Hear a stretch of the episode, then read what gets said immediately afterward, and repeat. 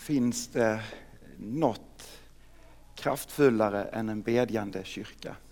Jag vet inte om det finns det. Så tack för förmånen att vi får be tillsammans.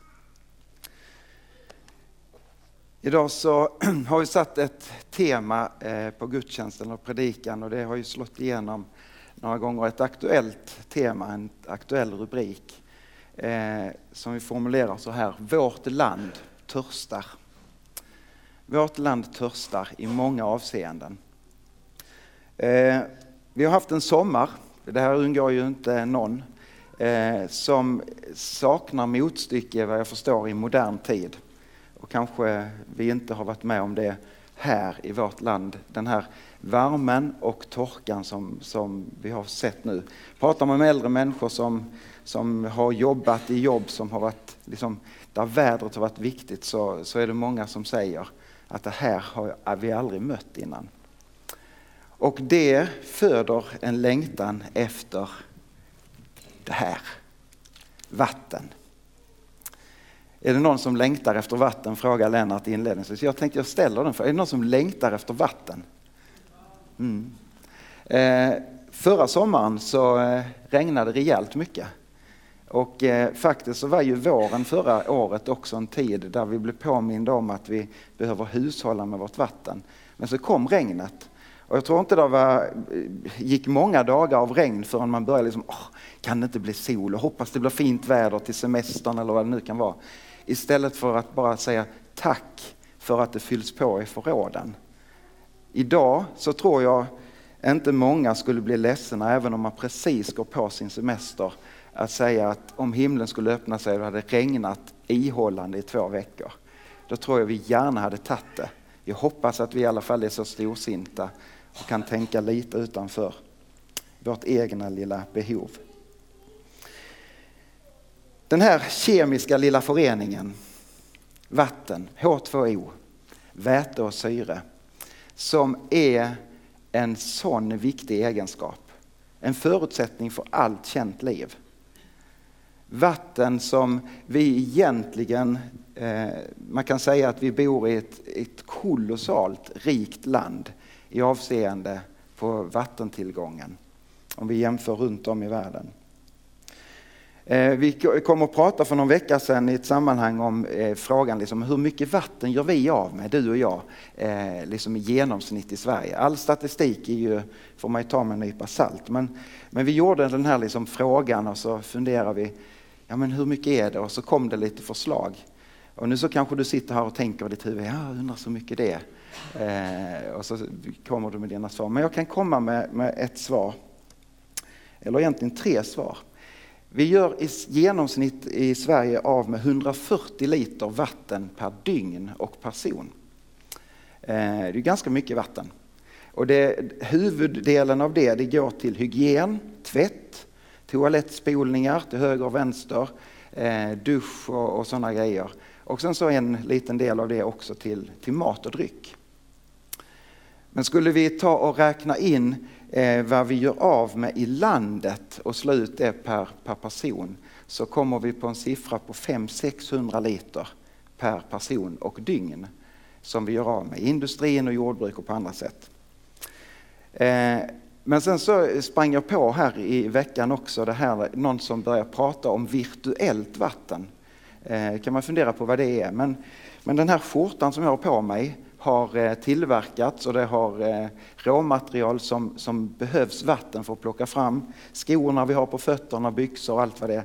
Och då räknar man allt vi använder under ett dygn. Eh, skulle man omsätta det i vad, vad det har krävts för vatten till det så är vi uppe på 6000 liter vatten per dygn som vi förbrukar.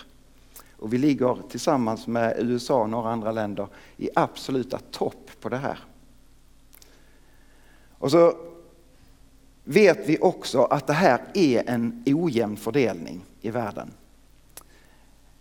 Det rena friska vattnet, det har vi egentligen stor tillgång till här. Men på andra delar i världen så är det en bristvara. Man säger så här att även om tillgången på rent vatten har ökat i, i, i alla världsdelar de senaste decennierna så räknar man ändå med att 2025, det är bara inte så många år till till 2025, så kommer halva jordens befolkning vara sårbara på grund av att man inte har rent vatten. Och idag så är det en miljard människor på vår jord som regelbundet dricker eller tvingas dricka otjänligt vatten. Och trots att vi då lever i en rikedom och, och, vet om det här, vi kan alltid jämföra oss, så en dag så skulle jag säga att vi upplever på gränsen till en kris i vårt land just nu. Vårt land törstar. Det härjar bränder runt om i, i landet som, som de säger, vi, vi kommer inte kunna släcka det mer än att det börjar regna. Vi behöver vattnet. Och så kan man någonstans fundera på, är det först i nöden som jag inser mitt djupa behov av det som jag kanske förra sommaren tog för givet och nästan önskade bort? Är det först i nöden som jag djupast inser vad jag verkligen behöver? Och precis som vattnet är en livsviktig ingrediens för allt liv så är ju Gud det så mycket mer. Han är allt livs källa. Han är allt livs ursprung och han är avgörande för allt liv. Och han är i absolut högsta grad helt avgörande för ett evigt liv. För några veckor sedan så påminde vi oss om ett gudstilltal genom profeten Jeremia.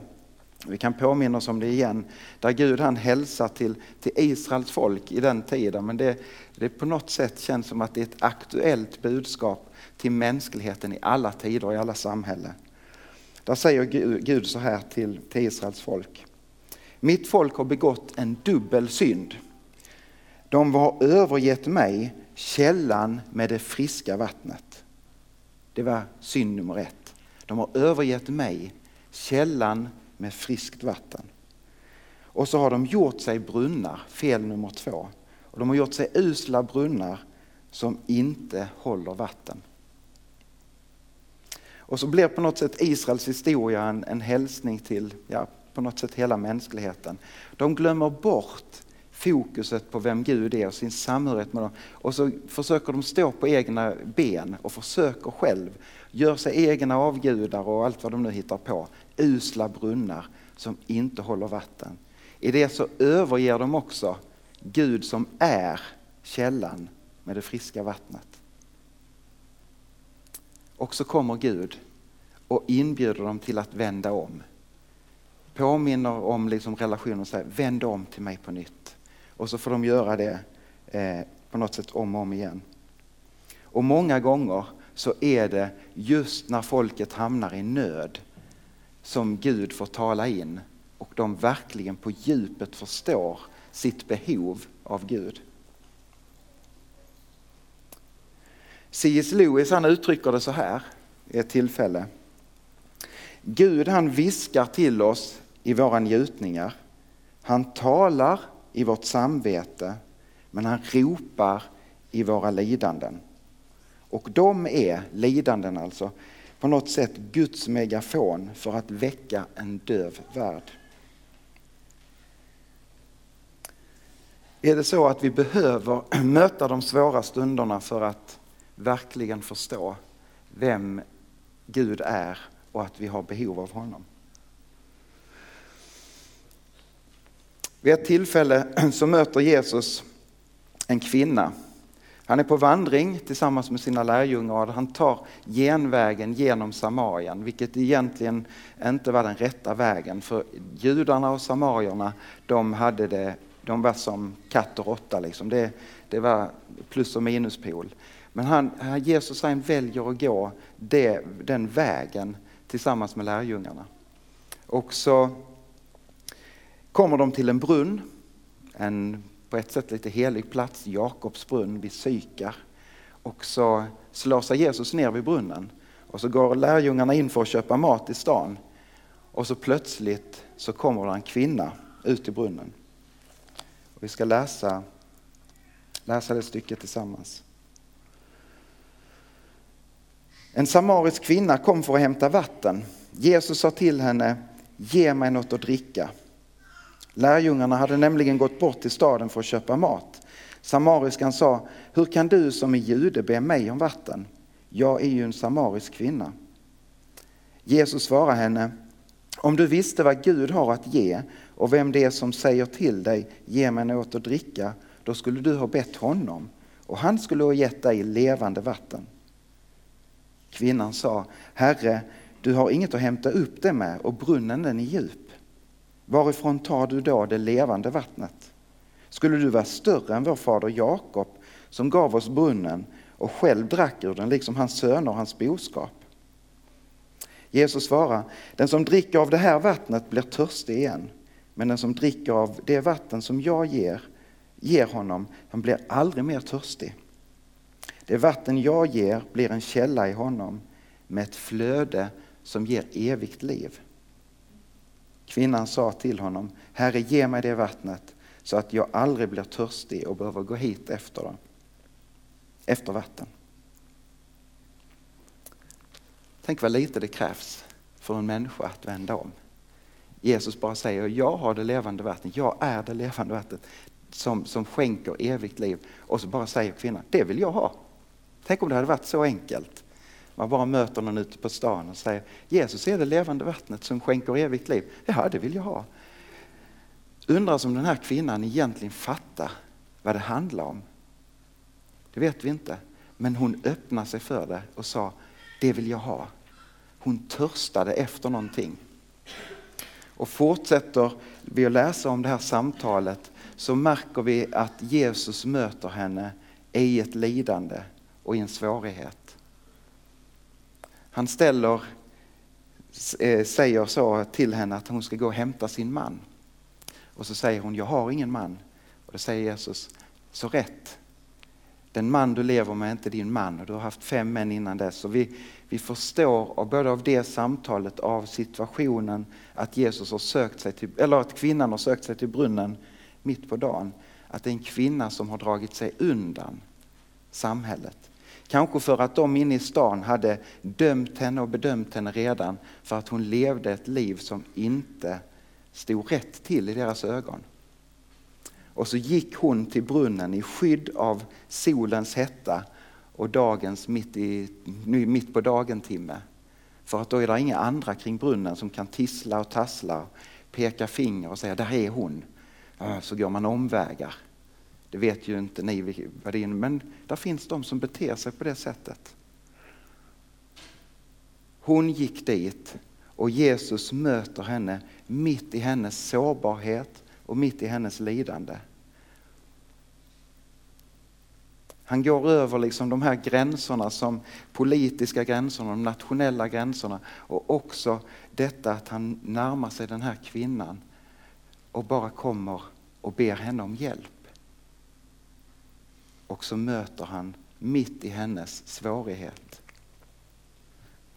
Kanske det var någonting av Guds megafon i hennes liv.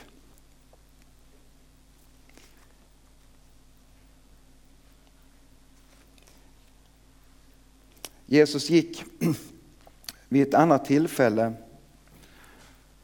också med den här hälsningen om att han bär det levande vattnet. Ett par år senare så befinner sig Jesus i Jerusalem på lövhyddofesten. På lövhyddofesten så, så gick man ut ur templet och ner i söderut i stan och hämtade vatten i kannor i Siloadammen och så gick man tillbaka upp till tempelplatsen för att hälla vattnet över, över altarna där man har genomfört offren. Och eh, det gjorde man som en påminnelse och tacksamhet för att Gud hade försett med vatten året som hade gått. Och sen så var det en bön om att Gud skulle förse med vatten under året som kom. Men det var också en bön om att Gud skulle låta det levande vattnet som ger människan evigt liv flöda ut till hela världen, till alla människor. På det sättet firar de den här högtiden. Och på den sista dagen så går Jesus eh, tillsammans kanske med den här dansande karnevalen av, av fest och glädje liksom med, med vattenkannorna upp mot tempelplatsen. Och så ser han nöden mitt ibland sitt folk. Och kanske det är så att han bryter igenom religiösa mönster och liksom barriärer som där är. Och så utropar han, om någon är törstig, kom till mig och drick. Den som tror på mig, ur hans inre ska det flyta strömmar av levande vatten. Och vad är det han talar om? Jo, den helige Ande. Att Gud själv flyttar in i våra liv. Gud själv, han är källan. Han är det levande vattnet. Precis som Gud sa till profeten Jeremia. Och det är detta han också erbjuder den här kvinnan vid Sykars brunn. Du ska få del av det vatten som gör att du aldrig blir törstig igen.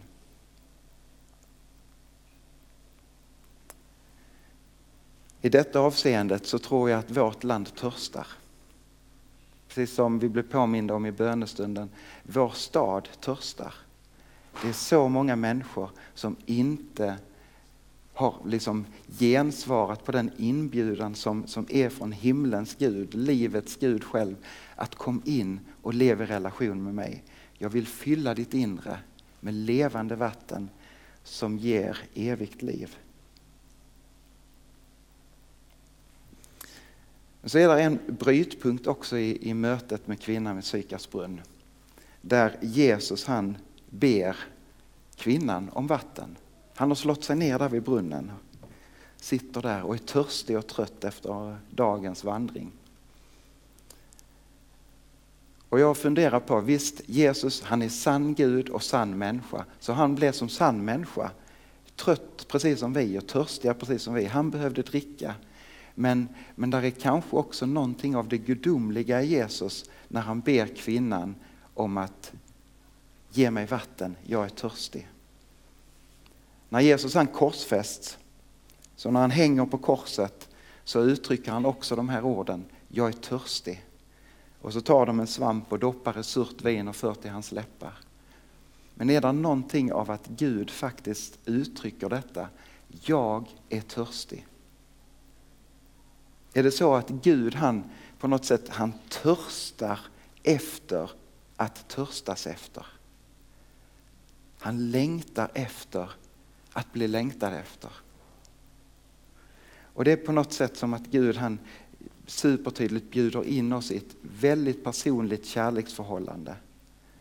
Och i ett sånt här kärleksförhållande så, så blir man nästan varandras dryck.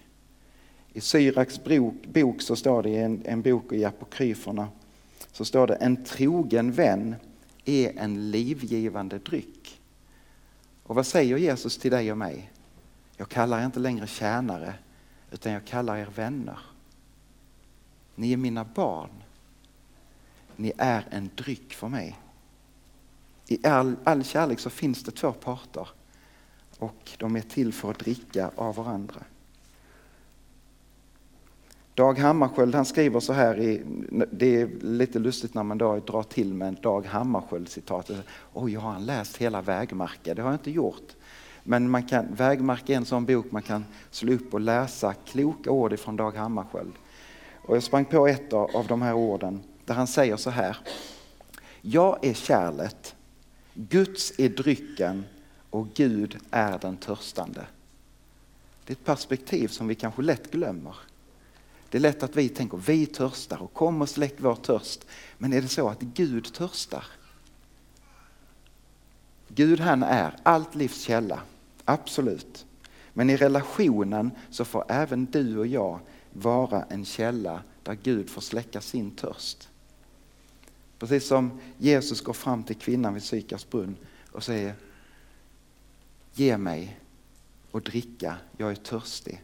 Så är han inte ute efter vattnet ifrån brunnen djupast sett utan han är ute efter den kvinnans hjärta och efter den kvinnans liv. Gensvara på det och släck min törst. Och det är på något sätt som det är kärlekens paradox i detta. Att, att vi, vi kan vara tillfreds samtidigt som vi längtar efter mer. Ibland så kan det vara så när min käraste ska åka någonstans eller barnen lämnar hemmet så kan man stå där och krama om varandra och så, så kan jag någonstans djupt känna inom mig och uttrycka. Jag längtar redan efter dig. Ja, men jag är ju här. Ja, man längtar redan. Och det, det, är liksom bara en förenklad bild över, över relationen med Gud. Där Gud viskar det i ditt liv och där jag också får viska det i mitt liv i förhållande till Gud. Jag längtar redan. Ja, men jag är redan här. När vi satt och bad innan i gudstjänsten, eh, några stycken här in, så, så, så slog det mig liksom, ah, kom och mätta den här förmiddagen med din närvaro Gud. Fyll den här stunden med din heliga Ande så att det dallrar av något annat än hettan från solen utan av din närvaro. Och så liksom, ja men jag är ju här, alltid. Och så, ja men jag längtar efter mer. Förstår ni liksom den här paradoxen? Du har i tron på Jesus Kristus fått ett löfte från Gud själv att han flyttar in i ditt inre. Den helige ande bor i ditt hjärta, varken mer eller mindre, utan fullt ut. Och ändå så kan jag be, kom och fyll mig mer. Så är kärleken. Vi blir aldrig egentligen mättade även om, om Jesus talar om källan som, som inte gör att vi blir törstiga igen. Så tänker jag att Gud kommer med den här hälsningen också till oss idag. Han söker dig var du än befinner dig i livet. Och så slår han sig ner vid den brunn som kanske du söker dig till eller den platsen där du söker dig till. Kanske det är en plats som du söker dig undan ifrån liksom andras bedömningar eller vad det kan vara. Var du än befinner dig i livet så slår Jesus sig ner och så tittar han på dig och säger Ge mig att dricka för jag är törstig. Jag längtar efter dig. Och han talar om ditt hjärta. Den här kvinnan vid Sykars brunn hade levt ett långt liv. Kanske där hon någonstans upptäckte att ja, men jag har levt i en illusion av vad verkligheten är. Men när jag fick se hur Guds kärlek bröt in och mötte mig så var det som om verklighet, den riktiga verkligheten öppnades. Det var som om drömmen som jag levde i, som liksom nästan förblindade mig, blev sann och verklig när jag fick möta Jesu kärlek.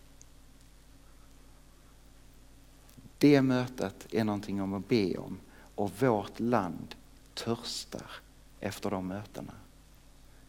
Ska vi be tillsammans?